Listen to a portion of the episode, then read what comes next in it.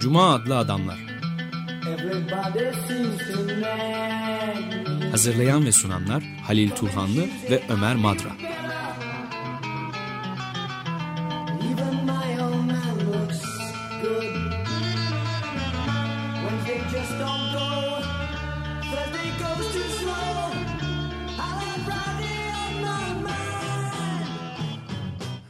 Merhaba Halil, hoş geldin. Teşekkürler. Bir de konumuz var. Kendisine de hoş geldin diyelim.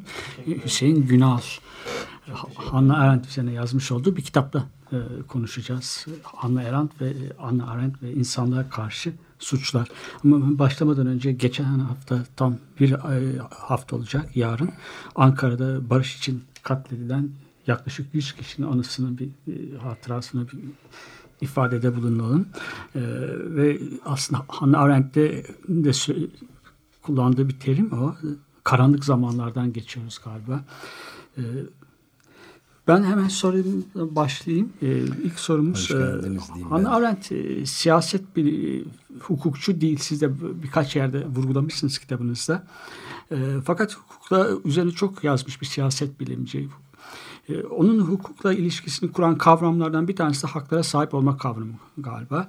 Ee, bu hem mülteciler hem de genel olarak hukuka, hukuka ilişkin söylediklerini anlayabilmek için önemli.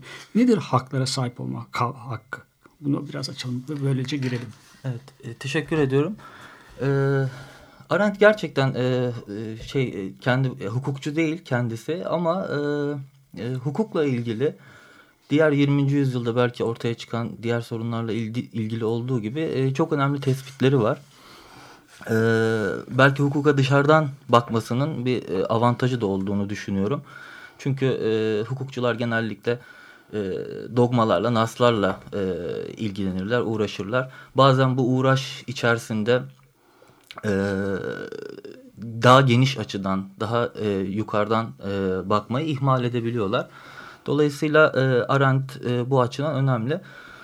Haklara sahip olma hakkı derken e, aslında bir e, işte, totoloji belki. Yani hmm. haklara sahip olma hakkı nasıl olacak? Yani e, bu böyle gelebilir özellikle hukukçulara belki böyle gelebilir.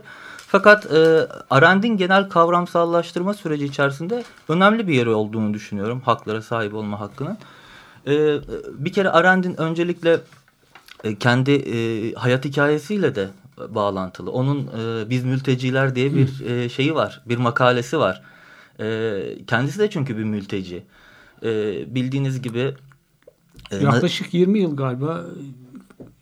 Çok uzun bir süre. Vatandaş... Yani, e, tabii evet.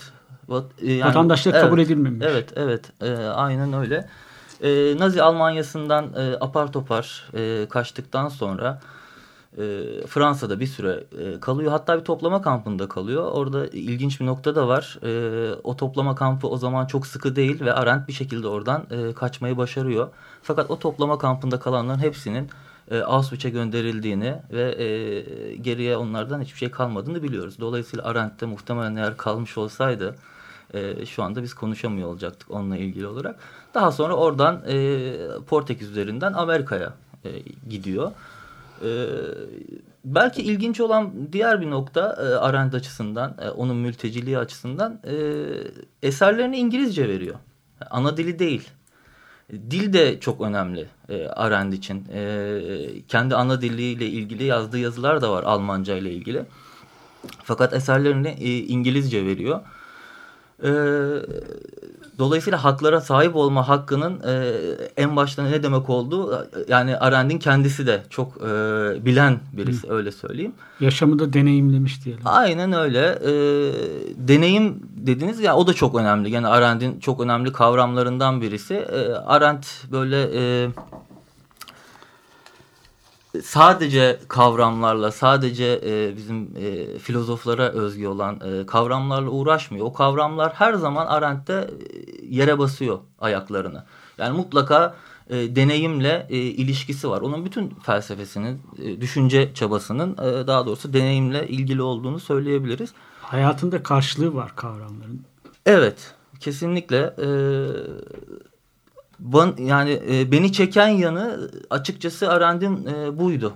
Yani e, en önemli yanlarından bir tanesi haklara sahip olma hakkına tekrar gelirsek e, şöyle bir şey söylüyor Arendt. bir kere haklara sahip olma hakkı Arendt'e göre bütün haklardan önce var olması evet. gereken bir hak. E, e, ikincisi şöyle tanımlıyor. Aslında e, böyle çok uzun uzun e, bir e, tanım geçmiyor Arendt'in e, eserleri içerisinde. Haklara sahip olma hakkı. E, Bütün hakların anası diye. E, Totalitarizmin Kaynakları kitabında, ikinci kitapta, e, Emperyalizm kitabında 15 sayfalık bir şey, e, kısım aslında. Orada şöyle söylüyor, şöyle tanımlıyor. Kişinin eylemlerine ve görüşlerine göre yargılandığı bir çevrede yaşaması. Tabi burada e, eylem kavramı e, çok önemli bir hale geliyor e, Arend açısından. E, eylem e, Arendt'in düşüncesinde e, politikanın kurucu kavramı. E, eylemle eşit Hı. olarak algılıyor e, politikayı ve politikanın anlamı da özgürlük e, Arendt'e göre. Gene bu da çok e, politika üstüne düşün, evet. düşünenlere de ilginç gelebilir. Çünkü biliyorsunuz e, Carl Schmitt gibi politikayı e, dost düşman ilişkisi evet. bağlamında e, tanımlayan bir e, gelenek de var. E, yani e, agonizmin ötesinde bir antagonizm olarak tanımlayan bir gelenek de var. Arendt ilginç bir şekilde e, özgürlükle e, bağıntılandırıyor ve e, şey çok önemli ki, e, dedik ya kişinin e, eylemlerine ve görüşlerine göre yargılandığı bir çevrede yaşaması. Yani kişilerin ne olduklarına göre değil yani Yahudi, efendim e, siyahi, Türk, Kürt vesaire ne olduklarına göre değil eylemlerine göre e, ne yaptıklarına göre e, bir e, bir çevrede evet. kişilerin yaşayabilmesi. Bunu e, bütün haklardan önce sahip olunan bir hak olarak görüyor. Belki burada şeye de değinmek lazım. E, neden insan hakları değil de haklara sahip olma hakkı? Şimdi Arendt insan haklarına e, şöyle söyleyeyim insan haklarından derin kuşku duyuyor. Çünkü gene kendi deneyiminden hareketle e, insan haklarının e, belirli bir politik çerçevede ele alınmadığı zaman aslında neredeyse hiçbir işe yaramadığını hatta tarihte bilirsiniz insan hakları ile ilgili bir e, derin bir polemik vardır. E, İngiliz e, muhafazakar Edmund Burke ile e, Thomas e, Paine'in arasında. E, Paine daha e, sol, daha liberal evet. bir düşünürdür. Fakat Arendt ilginç bir şekilde e, tarihin e, Edmund Burke'ü e, haklı çıkardığını söylüyor. Çünkü e, Burke de asıl olan hakkın vatandaşlık hakkı olduğunu söylüyor. Etkili olan hakkın. Dolayısıyla bu insan hakkı denilen şey yani ki insan hakkının en temel tanımı şudur. tamamen çıplak halde haldeyken insanlara verilen insanların sahip olduğu kabul edilen haklar. Yani ne demek çıplak halde? Hiçbir e, politik e, komüniteye e, bağlı olmasa da e, sadece sırf e, görünümü açısından insan olduğundan dolayı e, sahip olması gereken haklar, insan hakları. Fakat dediğim gibi e, Arendt e, gene deneyimleyerek e, insan haklarının aslında e, pratikte e, çok da e, kullanışlı olmadığını, insanların işe yaramadığını ve haklarından e, mahrum kaldıkları zaman insanların e, tabii vatandaşlık hakkından burada bahsediyorum. E, vatandaşlık hakkından mahrum kaldıkları zaman e, aslında ellerinde insan hakkı da e, olmadığını. Çünkü e, evet nereye başvuracaksınız? E, Peki ben bir şey söyleyeceğim. Aslında bu insan hakları ile ilgili görüşleri bir yorumu Hannah Arendt ama daha farklı yorumlar da var. İnsan insan hakları insanların haklarla doğmadıklarını söyleyen mesela Jean-Luc Nancy'nin. Onlar Hı -hı. hep insan hakları dahil hepsi kazanılır -hı. Bir şey daha söyleyeceğim, e, soracağım Arendt'le ilgili. Bu mültecilerin haklardan yoksun kalmaları, hakları bütün hakların anısı olduğunu söylediniz. Haklara sahip olma hakkına sahip olmamaları. Biraz ulus devlet paradigmasının krizinden kaynaklandığını söylüyor galiba ve ulus devletle ilgili biraz fazla beklentileri var aslında. Demin de söylediğiniz gibi. insan haklarının da koruyucusu olarak sonuçta ulus devletlere veriliyor evet, bu haklar. Evet. Orada e, Hannah Arendt beklenmedik bir şekilde ulus devlete böyle fazla güveniyormuş gibi geldi bana. Ee, bu onun hatası mı acaba? Yoksa ben mi yanlış anladım kendisini? E, yok. Bir kere şöyle söyleyeyim. E, Arendt gerçekten e, şaşırtıcı bir düşünür. Yani e, böyle tam e, yakaladığınızı e, düşündüğünüz anda yani ha bu evet bu görüşlerin içerisine koyabilirim dediğiniz anda elinizden e, kaçabilen bir düşünür. E, çünkü e, belki klişe olacak ama gerçekten düşünme de çok önemlidir e, Arendt'te. E, gerçekten oturup düşünmüş birisi bütün bu meseleler üstüne. Hatta şöyle kendisinin bir şeyi de var. E, yanlış hatırlamıyorsam bir konferansta söylüyor. E, işte e, solcular benim e, sağcı olduğumu, sağcılar da kim bilir ne olduğumu e, düşünüyorlar. Ama bunların hiçbir tanesi benim umurumda değil. Çünkü e, dünyanın e, bu kavramlarla e, açıklanabileceğini en azından e, kendi e, yaşadığı dönemin bu kavramlarla açıklanabileceğini e, düşünmüyorum e, diyor. Ve e, evet ben de ilk okuduğumda e, Arendt'in ulus devlete e, şeyi fazla e, sizin dediğiniz gibi e, güvendiğini e, düşünmüştüm. Fakat e, şöyle zannedersem şöyle bir şey var e, ulus devlet değil de e, Arendt e, politik yapıların hepsini olumlu bir şey olarak görüyor. Yani sadece ulus devlet değil aslında. Tarihteki bütün e, politik yapıları insanların kurduğu e, sınırlarla belirlenmiş, hukuki sınırlarla belirlenmiş yapıları e, gene eylemin içerisinde görüyor aslında. Kurucu e, e, varlıklar insanlar, aynı zamanda başlatan e, varlıklar Arendt için. E, ama şunu söyleyeyim. E, ulus devletin krizinin de ne olduğunu biliyor. Yani ulusla devlet arasında e, ve insan haklarıyla e, biraz önce bahsettiğimiz vatandaşlık hakları arasındaki e, bu krizin, bu ayrımın e, bir şekilde bir noktada e, patladığını veyahut ileride patlayacağını çok iyi biliyor. Ee, mesela çok ilginç olan bir, bir şey daha söyleyeyim. Ee, Arendt e, bildiğiniz gibi Yahudi Hı. ve e, hiçbir zaman e, Yahudilik kimliğinden dolayı e, kendisini e, Yahudi kendisinde evet, ama şöyle bir sözü bir, var. Bir nakısa olarak da görmüyor. Yani Hı. bunu bir armağan ol, olarak kendisine e, bahşedildiğini düşünüyor ve Yahudilik meselesi hakkında da yazıyor. İsrail meselesi hakkında da yazıyor. Arendt'in e, İsrail hakkında söyledikleri yani ilk kurulduğundan itibaren çünkü o karşı çıkıyor Hı. İsrail devletinin bir klasik bir ulus devlet olarak kurulmasına. Ee, ilk kurulduğundan itibaren dolayısıyla söyledikleri aslında e, gelecekte olanlar açısından e, onu haklı çıkartıyor. Yani e, Yahudi e, Jewish Writings diye Yahudilikle ilgili yazılarını okuduğunuzda e, gerçekten e, yeniden hayran olmamak elde değil. Yani sanki bir e, şey gibi kahin gibi görürsün ama öyle değil aslında. Çünkü ulus devletin yapısını biliyor Arendt. Ulus devletin e, imkanlarını, sınırlarını e, çok iyi biliyor. E, egemenlik denilen e, şeyle çok büyük problemi var Arendt'in. Ulusal egemenlik denilen şeyle çok büyük problemi var. Çünkü e, ulusal egemenlik e, kavramının e, devleti ileride eline geçirebilecek olan e, çoğunluğun elinde e, bir tür e, baskı aracı haline e, geleceğini, e, geldiğini çok iyi biliyor. Öyle söyleyeyim. Evet, şimdi bu e, insanlığa karşı suçlar meselesini çok erken tarihten itibaren yani hukukçu olmadığı halde sizin de söylediğiniz çok e, bence öncül bir şekilde de ortaya koymuş olduğu görülüyor Hannah Arendt'in.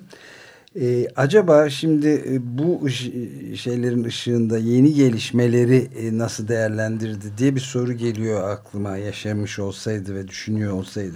Şimdi bu iklim değişikliğinin gezegen üzerindeki en büyük e, tehdit oldu bütün canlılar alemi üzerinde artık kesinleşmiş durumda. Yani bu işte Paris'te yapılacak bir iklim zirvesinde e, bir bağlayıcı antlaşmayla durdurabilir miyiz diye. Ama iklim suçları adı altında artık hafriyatı e, bu hafriyat şeyini durduralım fosil yakıt hafriyatını ve iklim suçlarını durduralım diye dünyanın önde gelen e, düşünürleri aralarında Chomsky gibileri de var. E, ve sanatçıları filan bir bildiri yayınladılar ve şey diyorlar biraz önce konuşurken aklıma geldi yani bizim sevme, e, eyleme, dokunma, e, davranma ve yaratma, yaşama hakkımızı da elinden alacak bir tehdit, bir suçla karşı karşıyayız diye çıktılar. Burada bu Hannah Arendt'in de bu kavramına insanın aklına geliyor. Hemen buna da bağlamak istediğim bir şey daha var. Biraz uzun bir soru oluyor bu ama Exxon Mobil tarihin en büyük en karlı şirketi, petrol şirketi 1978'den beri bu konuyu araştırmış, buluyormuş ve tespit ettirmiş. Ve buna göre de Kuzey Kutup'ta filan nasıl e, buzlar eriyince daha da çok petrol çıkaracağını hesaplamış. Ve bunu tamamen gizlemiş durumda. Şimdi çok en önemli mesele bu 1988'de e, aşağı yukarı e, ortaya çıktı. 1998'de ve o tarihten itibaren de daha 1988'de evet James Hansen'ın ilk e, iklim bilimci olarak ortaya çıkarttığından ve büyük bir ilgi uyandırdı. Fakat e, Exxon Mobil e, araştırmacıları bunu bildikleri halde, tümüyle bildikleri halde tamamen gizlediler ve dolayısıyla da daha Kopenhag'da filan bütün dünyada artık durdurabilir miyiz tartışmaları yapılırken birdenbire e, çıksalardı ve evet biz de bunu biliyoruz küresel ısınma var ve iklim değişiyor e, deselerdi belki de çok daha önceden tedbir alma imkanı olacaktı. Bu belki de insanlığa ve bütün gezegene karşı işlenmiş en büyük suç gibi hı hı. karşımıza çıkıyor. Arendt olsa ne derdi? Evet. E, belki şöyle bir bağlantı kurabiliriz. Şimdi e, tabii Arendt'in e, insanlığa karşı suç dediği zaman e, ele aldığı suçlar arasında bu yok aslında. Tabii.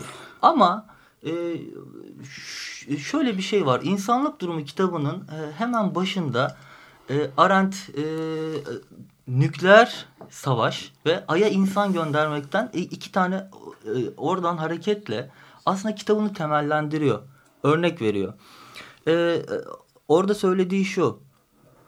İnsanların e, o zamana kadar belirlenmiş olan e, sınırların ötesine geçme arzusu ve evet. sınırların belki ötesine e, geçmeleri. Çünkü hani, o kadar korkunç bir şey ki e, nükleer savaş. Yani düşünün e, insanlık ortadan kalkabilir tamamen. Yani bu böyle bir e, dehşet e, şeyi e, senaryosu. Halen Ve, de var zaten. Halen de var. E, o zaman tabii daha e, yakın bir tehdit belki. Ve şey e, çok e, yakın bir e, tehdit. Yani olabilecek bir şey gerçekten. Bütün insanlık e, tarihi boyunca hiç e, böyle bir şey e, olmamış o zamana kadar. Şimdi siz e, doğayla ilgili söyledikleriniz de e, aslında e, bunu hatırlattı bana. Yani e, insanlığın o, o zamana kadar e, bilir, bilinen sınırlarını e, aslında Arendt üçe ayırır insan aktivitelerini e, klasik bir şekilde. E, bu Aristoteles'te de vardır e, emek, iş, eylem diye üçe ayırır. E, asıl insani e, alan, e, özgürlük alanı, e, eylem alanıdır. E, odur önemli olan. Diğer emek dediği Arendt'in e, işte bildiğimiz biyolojik döngüleridir. E, klasik hayvanlarla ortak olduğumuz evet. e, şeydir, aktivitedir. İş aktivitesi bizim e, binalar dikmemizdir. E, kendimize barınaklar yap, kalıcı bir dünya inşa etmemizdir. Ama bu ikisi de aslında e, kamusal alana e, çıkmak için bir şeydir, hazırlıktır Arendt'te. Şimdi e, a, biyolojik döngüyle ilgili olan şeyi siz eğer kamusal alana e, çıkartırsanız bir de e, bu e, şey yapmayan bir şey e, biyolojik e, döngü dediğimiz şey çok üretici bir şey olarak görüyor Arendt. Ve en çok korktuğu şeylerden bir tanesi de şey hakikaten yani e, emek dediğimiz işin çalışma kısmının tamamen ortadan kalkıp sadece yeme içme kısmının, tüketim kısmının kalması ve bunun da olabileceğini söylüyor. Çünkü otomasyon vesaire dediğimiz şey aslında e, bundan ibaret. E, dolayısıyla işte bu sınırların şey yapılması, e, çiğnenmesi, e, ortadan kaldırılmaya çalışılması da e, gene belki e, Arendt açısından e, şey yapılabilir, e, söylenebilir. Çünkü sizin dediğiniz örnekte de aslında bir insanlık alanının ortadan kalkmasından Can, bahsediyoruz. Evet, evet evet canlı bence de çok e, doğru bir şey ya, üzerinde gidiyoruz gibi geldi. Yani e, yaklaşık olarak en son 250 küsur milyon yıl önce dünyadaki canlılar büyük yok oluş diye adlandırılan bu çağlardan birinde e, işte volkanik patlamalardan Sibirya'da e, yer karadaki türlerin yaklaşık yüzde 95'i gitmiş. Yani kalanların torunlarıyız hepimiz. Hmm. Şimdi altıncısının içinde olduğumuz artık söyleniyor bilim tarafından, hmm. fizikçiler ve diğer iklim bilimciler tarafından ve e, bu da aynı büyük bir yok oluş. Yani 800 bin yıldan beri görülmüş en korkunç şeyler halinde. Dolayısıyla her türlü emek, iş, eylem her şeyin ortadan kalkacağı evet, bir duruma doğru gitmekte olduğumuz için yani ExxonMobil, yani Volkswagen filan da şimdi çok suçlanıyor. Haklı olarak suçlanıyor ama fındık fıstık kalır. ExxonMobil'in bütün dünyanın evet. gidişatını değiştirdi. Açıklasalardı bu yalanı söylemeselerdi. Evet, belki çok kısa şey de değinmek isterim. E, kapitalizmle ilgili görüşlerini evet. Arendt'in. Çünkü bu da bağlantılı. Hı, çok bağlantılı. Şimdi e, Arendt İnsanlık Durumu kitabında e, Marx'ı da eleştiriyor. Evet. Çünkü Marx'ı e, politik e, Batı politik geleneğinin son temsilcisi olarak Hı. görüyor. Batı politik geleneği de kötü bir politik düşünme geleneği, düşünce geleneği maalesef e, Üretim. Kötü, e, kötü bir gelenek Arendt'e göre. Eylemi yapmayla karıştıran bir gelenek. Bunun ilk temsilcisi de Platon. O da bir e, skandala Sokrates'in öldürülmesine karşı bir tepki olarak e, devleti, devlet kitabını yazdığını söylüyor Arendt. E, ve e, bundan sonra artık e, politik alanın sürekli e, filozofların koyduğu bir takım kavramlar tarafından e, ölçülen bir şey haline geldiğini e, belirtiyor. Yalnız e, dolayısıyla yani bazen böyle çok e, vulgar e, bakanlar Arendt'e, e, Marksistler özellikle diyelim, sol düşünürler çok hoşlanmazlar Arendt'ten. Fakat e, aslında Arendt'te öyle bir kapitalizm eleştirisi var ki e, totalitarizmin kaynaklarında bu e, zaman zaman bence Marx'ı bile e, aşan bir eleştiri. Neden diyeceksiniz? Çünkü Marx'ta da sonuçta Burjuva sınıfı tarihi e, hızlandıran ondan sonra ve kendine göre işlevi olan. Üretici güçleri e, geliştiren. E, evet, evet aynen öyle bir sınıftır. Arendt bir kere Burjuva sınıfından nefret ediyor. Yani onu çok açık bir şekilde e, şey yapabiliriz, e, söyleyebiliriz. Hatta şöyle bir ifadesi var onun. E, mob dediği yani... E, Ayak takımı. Ayak takımı evet. Ayak takımı olarak belki çevrilebilecek olan bir e, grup var Arendt'te ki e, totalitarizme e, şeyini oluşturan e, asıl e, kolaylaştıran bir grup bu e, mob. E, Aran şöyle diyor. E, Burjuva'nın eğer e, yüzündeki pırıltıyı kazırsanız karşınıza mob çıkar diyor. Yani bunlar ikisi Güruh. E, e, evet e, aynı şeydir ayak takımıyla e, Burjuva sınıfı diyor. Ve e, gerçekten e, kapitalizme e, belki de emperyalizmi daha sonra evet. gerçekleştirdiği için e, Arendt'in çok e, şey bir e, derin bir e, eleştirisi ve açıkça nefreti var.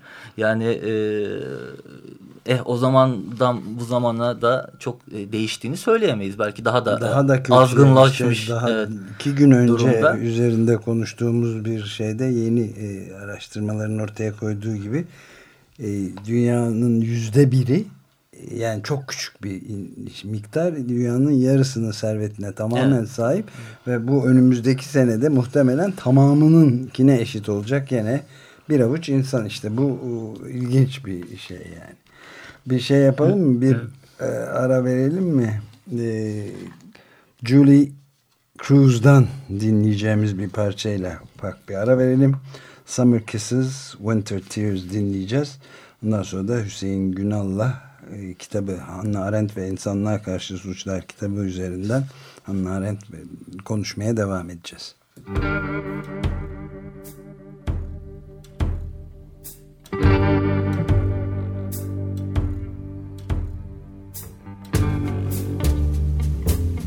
Summer kisses winter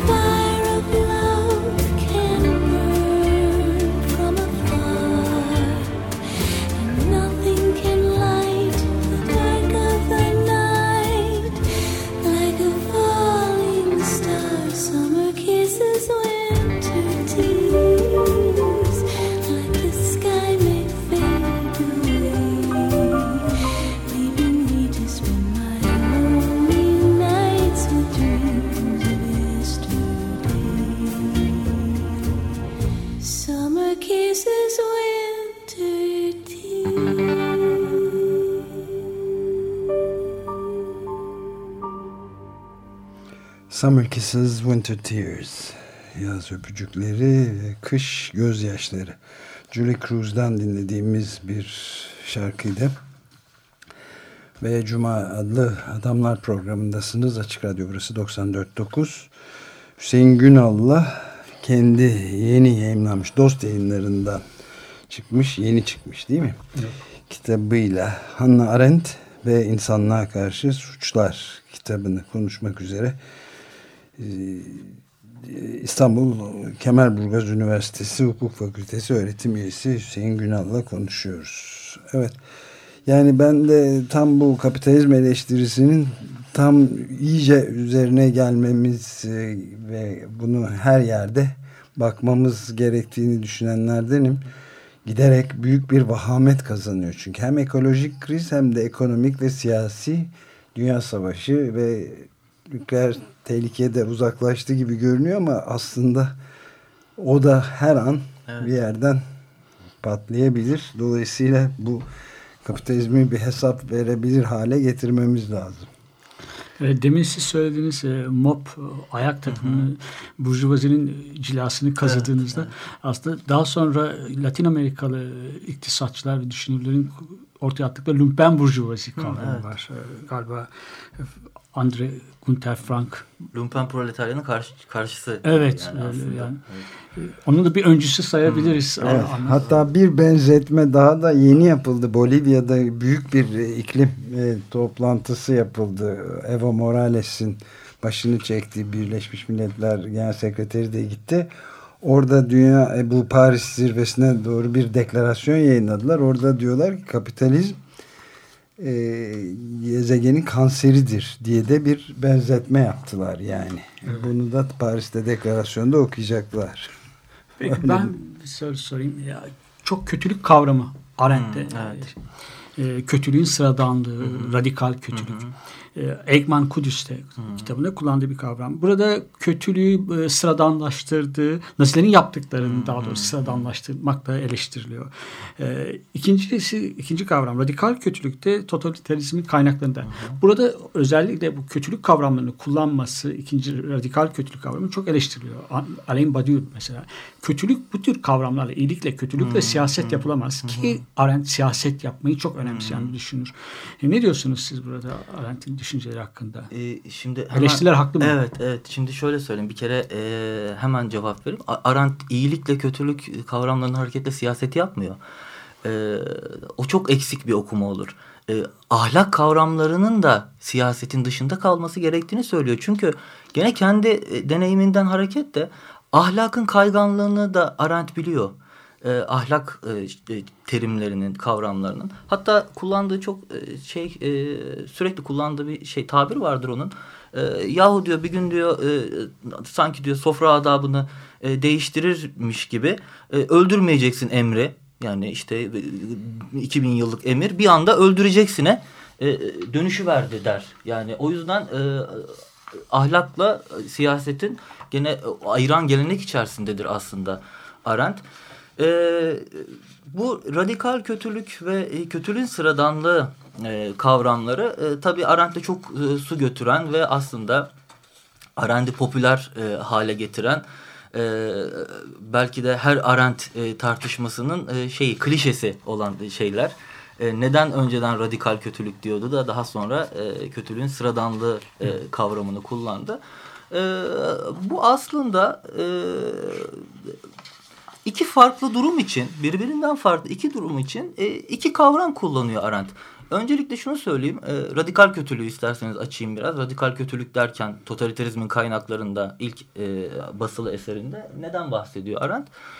E, bir kere radikal kötülük e, kavramını e, bildiğiniz gibi gündelik dilde radikal kelimesi böyle yüce, üstün, böyle keskin bir manası da vardır. E, o manada kullanmıyor. Bunu Kant'tan ödünç alıyor. Aslında kötülüğün e, kökeni manasında e, radikal. Arendt e, öncelikle e, gene bütün e, Batı felsefesi geleneğini eleştiriyor. E, şundan dolayı eleştiriyor çünkü e, kötülük yok aslında felsefede. Yani kötülük e, bütün iyilik içerisinde bir eksiklik, bir nakısa yani. E, dolayısıyla hiçbir zaman filozofların kötülüğü olması gerektiği gibi ele almadıklarını söylüyor. Hı. Her zaman e, kötülüğü e, Kant'ta bile radikal kötülük kavramını e, ortaya atan Kant'ta bile eninde sonunda e, kötülük kavramı e, kişinin kendine iltimas geçmesi e, olarak ondan sonra e, ele alınıyor. Halbuki Arendt'in radikal kötülük dediği şey bir kere e, öncelikle e, totaliter yönetimde e, Nazi ve e, Stalin Rusyası'nda, Nazi Almanya'sında ve Stalin Rusyası'nda ortaya çıkan e, bir kötülük türü. E, Arendt burada e, merkezi kavram olarak lüzumsuzluk veyahut fuzulilik evet. kavramını kullanıyor. İnsanların görmek. insanlar olarak fuzuli hale e, gelmesi, getirilmesi ve bütün çoğulluğu içinde, bütün farklılığı içinde insanların neredeyse tek böyle sıkıştırılmış hani bayağı normal bildiğimiz sıkıştırma kavramı sıkıştırılmış tek bir böyle dev devasa bir insan haline getirilmeye çalışılması. O insan da e, böyle öngörülemez falan değil bir tür otomat. Yani e, işte e, hatta şey e, örneğini verir e, Arendt. E, Pavlov'un köpekli şey e, e, Pavlov'un yaptığı deney vardır bilirsiniz hmm. hayvanlar üstüne. E, çünkü sapkın hayvan kavramını kullanıyor. Sapkın hayvan derecesine indirilme kavramını kullanıyor. E, Pavlov'un örneğini veriyor çünkü oradaki e, hayvan da normal hayvan hmm. değil aslında. Yani normal doğasından hmm. saptırılmış bir hayvan hmm. insanlar tarafından insanların bu mertebeye e, indirilmesi olarak görüyor ve bunu tarihte ilk defa yapılmış bir şey. E, şiddetin büyüklüğüyle de bağlantılı olarak ele almıyor Arendt bunu. Yani radikal kötülük dediği şey çünkü şunu çok açık biliyor Arendt. E, Nazilerin yaptığı e, katliamlardan daha büyük katliamlar var tarihte. Yani e, Boer savaşlarında sadece Afrika'da olan biteni e, ele alırsak çok daha büyük rakamlar belki.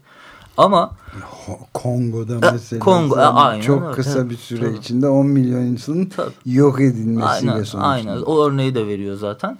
Ee, ama e, bu tarz bir kötülüğün ilk defa e, Nazi Almanya'sında ortaya çıktığını söylüyor. Bir de safaları da var bunun. Çok kısaca bahsedeyim. E, üç safadan e, geçildiğini radikal kötülüğe ulaşmak için söylüyor. Önce insanların hukuki politik kişilikleri yok ediliyor. E, haklardan mahrum evet. e, kılınıyorlar. E, daha sonra ahlaki kişiliklerinin e, yok edildiğini söylüyor Arendt ki ahlaki kişiliklerin yok edilmesi de şu e, eğer ahlaki olarak eylemde bulunacağınız eylemleriniz, ahlaki eylemleriniz anlamlı bir çevreden yoksunsa, yani burada şey örneğini veriyor, işte silah kafasına silah doğrultulan bir şey, çocuklar örneği, bir annenin üç çocuğu seç bakalım içer, içinden bir tanesini dendiğinde burada artık ahlaki e, kişiliğin ortadan kalktığını e, söylüyor. Gene toplama kampları vasıtasıyla özellikle ahlaki kişiliğin ortadan kaldırıldığını ki e, ben kitapta da e, Primo Levi yani, yani muhteşem anlatır zaten onu evet. e, insanları ne hale e, getirildiklerini. En son olarak da e, insanı insan yapan e, insanı öngörülemez yapan, öz, e, spontane e, e, hareketlerde bulunmasını sağlayan bireyselliğin de ortaya kal, ortadan kaldırıldıktan sonra artık insanların e, bir, bir tür yürüyen kuklalar e, mertebesine indirildiğini söylüyor. Bu süreci radikal kötülük olarak tanımlıyor. Yani bunun e, gördüğünüz gibi iyi ile kötüyle bir şeyi yok, bir e, bağlantısı yok. Sadece bir kavram bu. Tabii e, Ayhman davasından sonra ve Ayhman'ın e, durumundan hareketle yaptığı tanım e, bu sefer başka olacak Arendt'in. Fakat orada da e, biliyorsunuz orada banality of evil, evet. kötülüğün sıradanlığı evet. kavramını kullanıyor Arendt. E, ve çok büyük eleştiriler alıyor. E, evet. Özellikle Yahudi cemaatinden yani e, uzun e, yıllar süren arkadaşları e, Arendt'e e, Arendt'e sırt çeviriyorlar. E, sebebi de şu yani ilk kitapta çok güzel bir şekilde sen tanımlamıştın ve radikal kötülük demiştin. E şimdi yani bize bizim halkımıza olanlar, bize olanlar yani sıradan hale mi geldi? Yani nasıl olabilir evet. böyle bir şey deyip hatta kendinden nefret eden Yahudi, evet. self-hating Jew gibi vesaire e, bir takım şeylerle itham ediyorlar Arendt'i. Halbuki onun söylediği çok basit. Gene deneyimden kalkarak Arendt bir şey yapıyor. Ayman davasına katılıyor ve bu adamın e, konuşmalarına özellikle konuşmalarına e, bakarak onda bir hal gözlüyor Arendt. O da şu düşünme yeteneğinden tamamen yoksun olması. Bu adam e, düşünemiyor. Çok sıradan bir insan aslında. E, klişelerle konuşuyor Hı. sürekli. Yani e, hiçbir zaman o e, kendisini e, kapattığı diyelim sınırlar içerisine e, çıkabilen bir adam değil. Hatta böyle absürtlük düzeyinde belki yani o kadar hani e, tuhaf şeyleri var ki mesela e, e ben diyor Yahudileri seviyorum diyor. E, öyle gerçekten de hakikaten sırf antisemit için öldürdüğü birisi muhtemelen e, yok. Yok. Evet. Yok. Yani e, İbranice öğreniyor. Çok ilginç. yani işini daha iyi yapabilmek için e, komşuları olduğunu söylüyor. Yahudi komşuları olduğunu. Onlarla arasının gayet iyi olduğunu söylüyor. E, bunların hiçbir tanesi şey değil. E, yalan değil. Gerçekten öyle. Çünkü savcı çok uğraşıyor. Ayman'ın kendisinin birisini e, ne öldürdüğünü, e, bir Yahudi'ye kötülük yaptığını, böyle bir canavar e, olduğunu kanıtlamak için. Oysa bu adam öyle birisi değil. Evet gerçekten sıradan birisi ve e, düşünmekten yoksun e, birisi. E, işte e, zaten bu hali gözledikten sonra Arendt hem kötülüğün sıradanlığı kavramını ortaya atıyor. Bu arada kitapta da iki kere kullanılıyor e, kavram. Çok ilginç yani evet. bir başlıkta bir de kitabın sonunda kullanılan bir kavram. Yani öyle sürekli bir kötülüğün sıradanlığı, kötülüğün sıradanlığı diye bir şey değil ama e, tabii e, Arendt kendisinde bir nevi e, ne diyelim kurtlar sofrasının entelektüel e, New York entelektüel cemaatinin böyle önüne evet. atmış oluyor. Tam bu noktada belki evet. bir gene çok son derece güncel bir şeye yani daha neredeyse dünkü bir habere e, dönebiliriz. Kötülüğün sıradanlığının gene Arendt yaşıyor olsaydı çok ilgiyle karşılayabilirdi. Bu Intercept diye çok önemli bir e, açığa çıkaran sitelerden biri var. İnternet gazetesi, dergisi Amerika'da. Orada yeni bir Snowden vakası mı diye sorulan bir şey var. Çok uzun çalışmalar sonunda dün akşam bu e, şeylerin drone denilen insansız hava araçlarıyla Amerika Birleşik Devletleri'nin ta Bush döneminden beri başlayan George W. Bush yani küçük Bush ama Obama döneminde de e, 8 sene boyunca çok artarak devam eden bu insanların e, hiçbir şeye dayanmayan, doğru düz istihbarata dayanmayan, doğru düz bir bilgiye dayanmayan binlerce insan çalışmasına rağmen e, insanların Yemen, e, Afganistan başta, Yemen'de, Somali'de hatta şimdi Afrika'da da e, sinekler gibi öldürülmesinin hikayesi çıktı açığa çıktı. Çok ilginç bir şey burada da.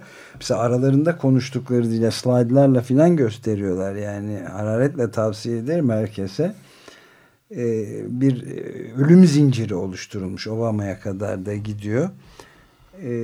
Ve kullanılan dil de tamamen kötülüğün sıradanlığı diye ifade etmekten başka bir tanım düşünemiyorum. Yani insan olarak da görmüyorlar hiçbir şekilde.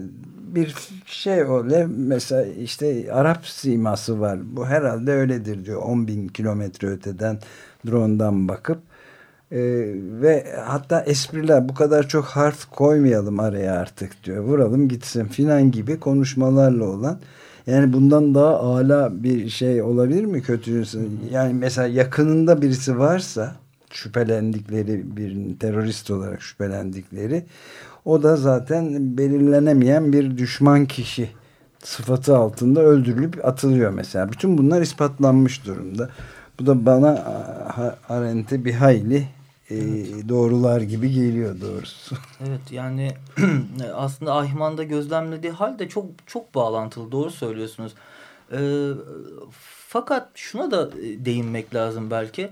Arendt e, her zaman kişilerin e, yaptıklarının sorumluluğunu da alması gerektiğini düşünüyor. Hı hı. Yani e, şeye katılmıyor ve kötülüğün sıradanlığını öyle anlamamamız lazım. İşte Tabii. efendim ben bir dişliydim. E, na, ne yapabilirim? Yani emir verdiler bana. Hı. Ben bunu yaptım. Bu arada şunu da biliyoruz. E, Nazi Almanya'sında e, ayrıldığı için yani emri yerine getirmediği için öldürülen katledilen falan kimse de yok yani. Çünkü Hı. öyle diyorlar. Evet. Beni de işte öldürürlerdi. Ben ne yapayım mecburdum. Hayır. E, Arendt şunu diyecektir. E, yapmasaydın. Yani bu Hı. kadar basit. Evet bu çok önemli bir şey. Çünkü gene hemen demin söylediğim şeye bağlayayım izin verirseniz çok e, bu sızdıran kişi şimdi cezalandırılmamak için artık bu oyun bozanlara çünkü fahş edenlere ağır cezalar da veriyor ama onun için adı açıklanmamış. Fakat e, şöyle diyor kendisi tam bu demin dediğiniz doğrular şekilde biz bunların olmasına bu ölüm zincirinin olmasına e, izin veriyoruz. Ve biz derken her Amerikan vatandaşı bu, bu bilgiye ulaşan, erişen ve hiçbir şey yapmamaya devam edenleri kastediyorum diyor. İşte tam sorumluluk anlayışı evet, da burada. Yani çağın hiçbir zaman değişmeyen bence etiğin evet. en önemli kuralı herhalde sorumluluk almak. Yani. Ee, evet e, belki şeyi de söylemek lazım. Buradan sonra düşünmek ne manaya geliyor? Peki e, özellikle kriz zamanlarında yani e, kriz anlarında Nazi Almanyası gibi dönemlerde düşünmenin bir tür eylem haline geldiğini söylüyor Arendt. Tabii düşünmek çok geniş bir kavram. Yani Arendt'in e, bir kere şunu söyleyeyim. E, güzel bir şeyi var e, düşünmekle ilgili söylediklerinin. E, çok demokratik bir şekilde yani düşünmek sadece filozofların e, işte eğitilmiş e, kişilerin vesaire harcı olan bir şey değil. Herkesin yapabileceği bir şey. Hatta e, Ayman davası sırasında e, bir e, çavuş bir e, Alman e, ordusunda Anton Schmidt e, tanıklardan bir tanesi ondan e, bahsederken şey diyor bir böyle ışık halesi sanki e, mahkemede e, yükseldi. Çünkü bu kişiye bir e, Alman Yahudilikle hiçbir bağlantısı yok. E, Yahudileri kurtarıyor e, orduda. E, ortaya çıkınca da hemen infaz ediyorlar orada. Yani e, sıradan birisi e, dolayısıyla e, ama e, düşünebilen e, birisi o e, klişelerin e, o e, kendisine belki e, boca edilen e, şeyin e, dışına düş şey e, dışına çıkıp e, başka türlü e, eylemde bulunması gerektiğini düşünebilen birisi. E, dolayısıyla evet, yani bireyselliği yok edilmemiş üçüncü. Evet, e, aynen öyle safhaya. ve şey yani Eichmann'ları hep e, hatırlarken aslında Anton Schmidt'leri de belki e, ön plana çıkarmamız lazım. Çünkü onları da unutuyoruz. Öyle evet. de bir şey var. İşte burada da bu oyun bozanlar, Hı. sırları ifşa edenler, bu oyun bozanları da aynı evet. sorumlulukla hareket ettiğini söyleyebiliriz herhalde değil mi? Evet. Bir soru sorayım. E, suçların kanunilik ilkesi vardır ceza hukuku. Şimdi, e, İkinci Dünya Savaşı'ndan sonra Nazileri yargılanması söz konusu olduğunda onların isnat edecek bir suç yoktu galiba. Yani fiillerin karşılığı yoktu. Evet. Rafael Lemkin'in çabaları da bu hı yönde soykırımı tanımlamak. Şimdi Nürnberg yargılamaları çok yetersizdi aslında hı. ama insanlara karşı suçlar kavramı da ilk defa bu, o zaman kullanıldı hı sanıyorum. Oldukça geç kullanılmış. Evet. Soykırım Nazilerden önce de yapılmıştı. Belki o kadar vahşice değildi ama yapılmıştı. Evet, en az onlar vahşiceydi. İşte hı hı. daha az kalı bir yanı yoktu. Ama insanlık çok geç kalmıştı bunun tanımını yapmakta. Bir de e, ulus devletlerin böyle bir suçu kabul etmemeleri gibi gerekçeleri var. Yani hmm. yargılamayı sadece kendi egemenlik haklarının bir uzantısı, bir bütünleyicisi olarak görüyorlar. Aynen. Bu konuda ne diyorsunuz? Yani ee, daha doğrusu Anna Arendt nasıl bakıyor Anna Arendt bu konuda? Ee, yani e, suçta ve cezada kanunilik meselesi e, hukukun en temel e, prensibi. Çünkü e, suç yoksa ceza da yoktur. Kanunsuz ee, suç ve ceza evet, olmaz. Evet kanunsuz suç ve ceza olmaz. En eski prensiplerinden bir tanesi. Ama Fakat, insan eylemleri pardon bu tanımları aşıyor galiba. E, aynen öyle. Fakat e, soykırım ve insanlığa karşı suçlar e, ortaya çıktığında e, bunu aşan bir şey. Yani aslında şu ikilemle karşı karşıya kalıyoruz. Ceza hukukunun e, bu iyi prensibini mi e, e, yerine getirip bu canavarları serbest mi bırakacağız ve ilkelerimizde böylece övünecek miyiz? Yoksa e, bu kişileri e, yaptığın yaptıklarından dolayı e, bir şekilde sorumlu tutmamız gerekiyor mu? Bu aslında e, o dönemde karşılaşılan bir sorun. E, şu anda bu sorun e, e, ortadan kalkmış durumda. Çünkü uluslararası belgelerde e, hem insanlığa karşı suçlar, e, bu arada insanlığa karşı suçların e, tanımı da e, gelişiyor da e, sürekli. E, baştaki e, katalog suçlar değil sadece sürekli e, de, değişiyor, tanımı e, farklılaşıyor, genişliyor öyle söyleyeyim. E, hem soykırım suçu bugün tanımlanmış durumda. Bugün Türk Ceza Kanunu'nda da e, aynı birebir tanımlar uluslararası standartta hem insanlığa karşı suçlar hem soykırım suçları tanımlanmış durumda. Hatta şunu söyleyeyim bizim ceza kanunumuz açısından e, yargılamada e, evrensellik prensibi e, geçerlidir.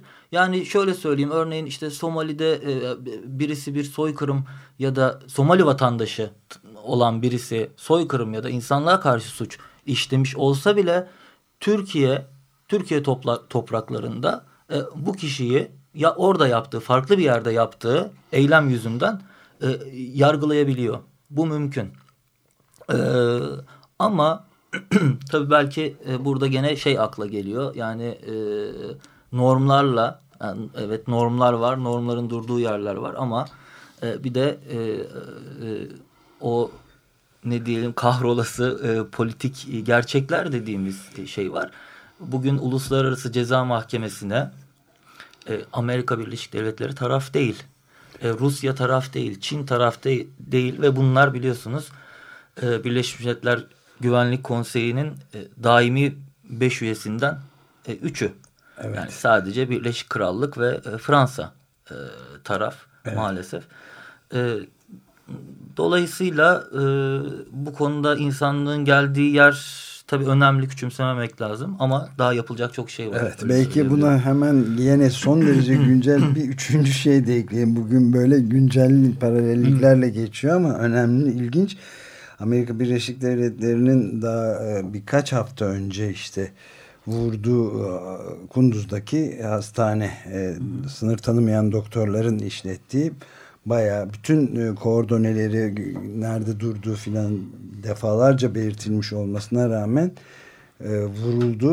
30 çok sayıda insan öldürüldü ve aralarında doktorlar, hemşireler, sınır tanımayan doktorların e, personeli ve çocukların da bulunduğu pek çok insan öldürdü ve e, sınır tanımayan doktorlar hem çekildi oradan hem de Amerika Birleşik Devletleri'nin tam da bu sebeple insanlığa karşı suçlar Nürnberg'de tespit edilen prensiplere göre de yargılanması gerektiği ilk defa açık açık bir örgüt küçük bir e, doktorlar örgütü e, Amerika'nın özür dilemekle ya Obama'nın yaptığı gibi geçiştirilemeyecek bir suç. Çünkü yarım saat bütün gördükleri halde bu drone savaşlarında olduğu gibi gözle görülüyorlar. Kaçmaya çalışıyor insanlar. Yanarak öldüler. Hasta yataklarında filan.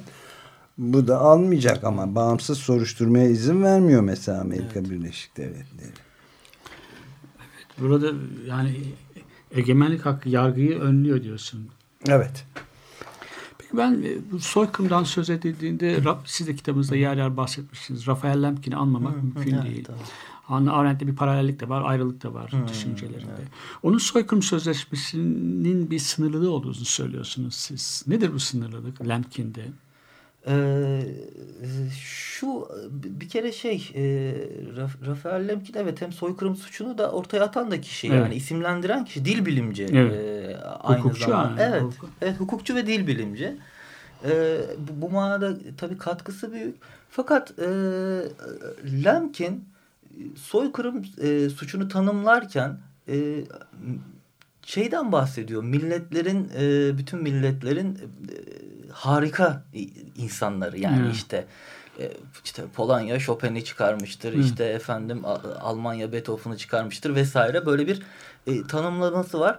Bu e, bu, bu Arendi çıldıracak bir şey. Yani hiç e, bu e, dahiler meselesine e, hiç hoşuna gitmeyen bir şey. Çünkü şunu biliyor Arendt bu e, özellikle e, Yahudi konseyleri gene evet. Eichmann davasında e, ortaya atılan e, bu konseylerin e, sorumluluğunu biliyor ve maalesef e, konseyler pazarlık yaparken de evet. işte e, o cemaatin içindeki bu, bu tarz böyle e, dahileri yani Hı. yetenekli işte keman çok iyi keman çalıyor tamam bu Nazilerle pazarlıktan bahsediyorum bu arada. Evet, yani ve gerisini e, de satıyorlar. E, ta, aynen öyle. Yani e, bir, bir şekil bir evet e, söyleyebiliriz.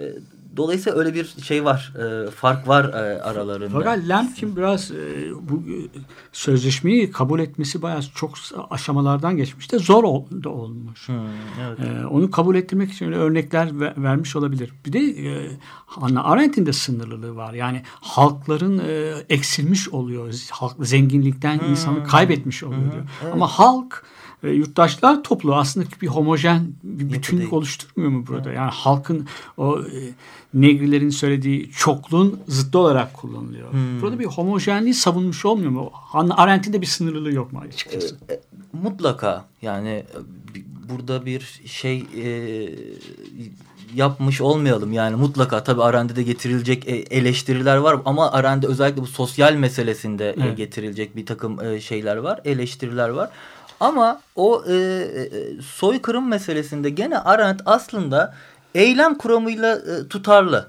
Evet. Çünkü e, kamusal alanda bulunmanın insanlar için gerçekliği de sağladığını düşünüyor Arendt. Hı.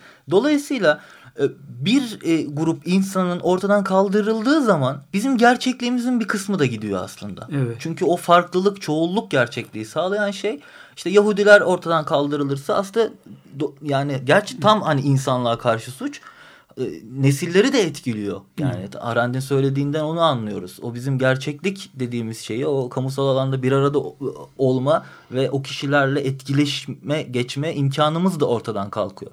Yani bana göre e, bana kalırsa orada söylemek istediği o onun daha çok. Evet biraz da böyle çanlar kimin için çalıyor şairinin dediği gibi yani bir kişinin kaybı bile bütün e, evet, insanlıktan evet, evet. kıtadan bir kopuş evet. meydana getiriyor. Herhalde e, yavaş yavaş sonlara geliyoruz. Bir tek bir şey söyleyeyim. O soykırım sözleşmesinin koruma altına aldığı gruplar mesela onların da sayılması, sayılmış olması da bir sınırlılık değil mi orada? Evet. İnsanlıkın o, gelişme yani e, o, o çeşitliliği çok şey, Hı -hı. E, gelişebilen, Sınır, gelişmeye evet, çok açık evet, insanlar. Evet. Her şeye rağmen açık. Soykırım sözleşmesi ilk tanımlandığı andan itibaren değişmeyen bir şey sözleşme. Evet. Yani gruplar değişmemiş. Evet. Irk, etnik grup, dini gruplar.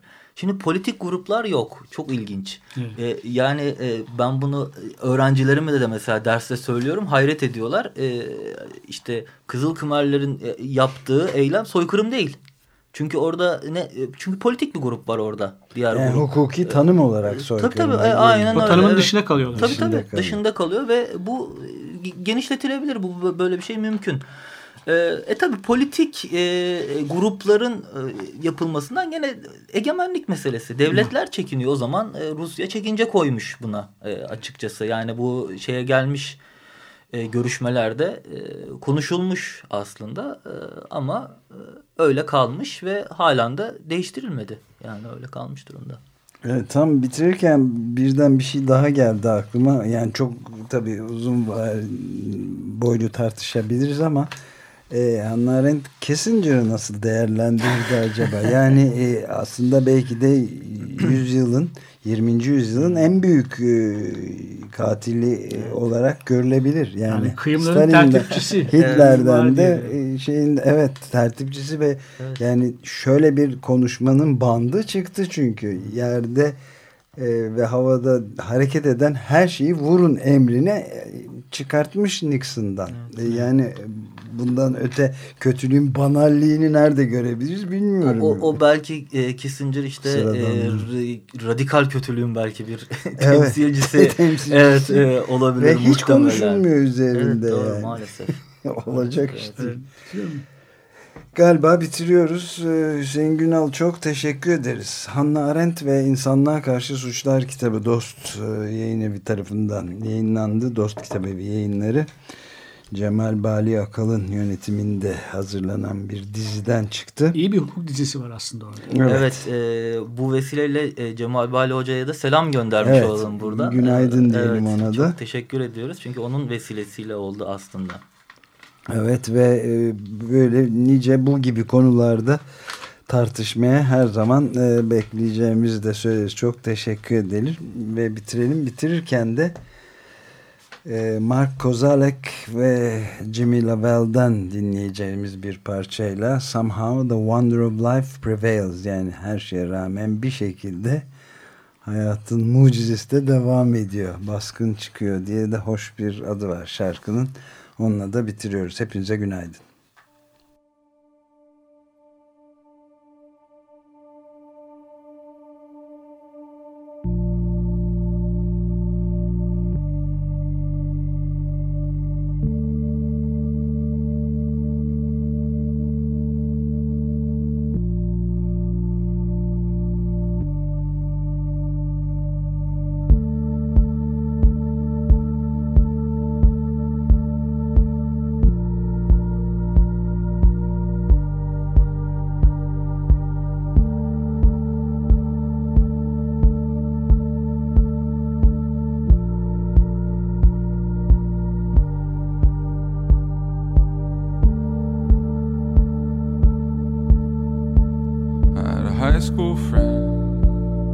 You like to hunt muskrats and rabbits,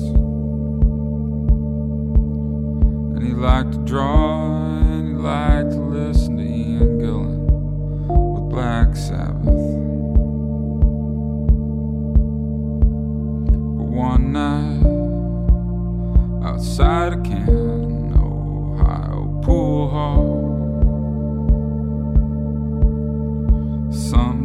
inspired, he stuck a man with a screwdriver, stole his car, and he hauled. He did three years in Tico, reformatory. And the rumors of went on.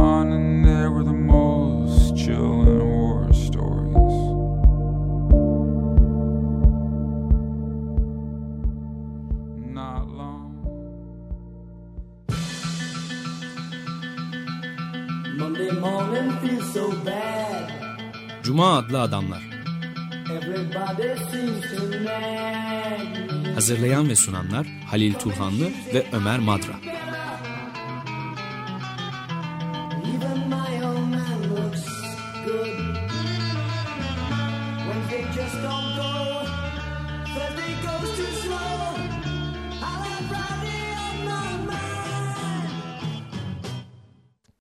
Açık Radyo program destekçisi olun bir veya daha fazla programa destek olmak için 212 alan koduyla 343 41 41.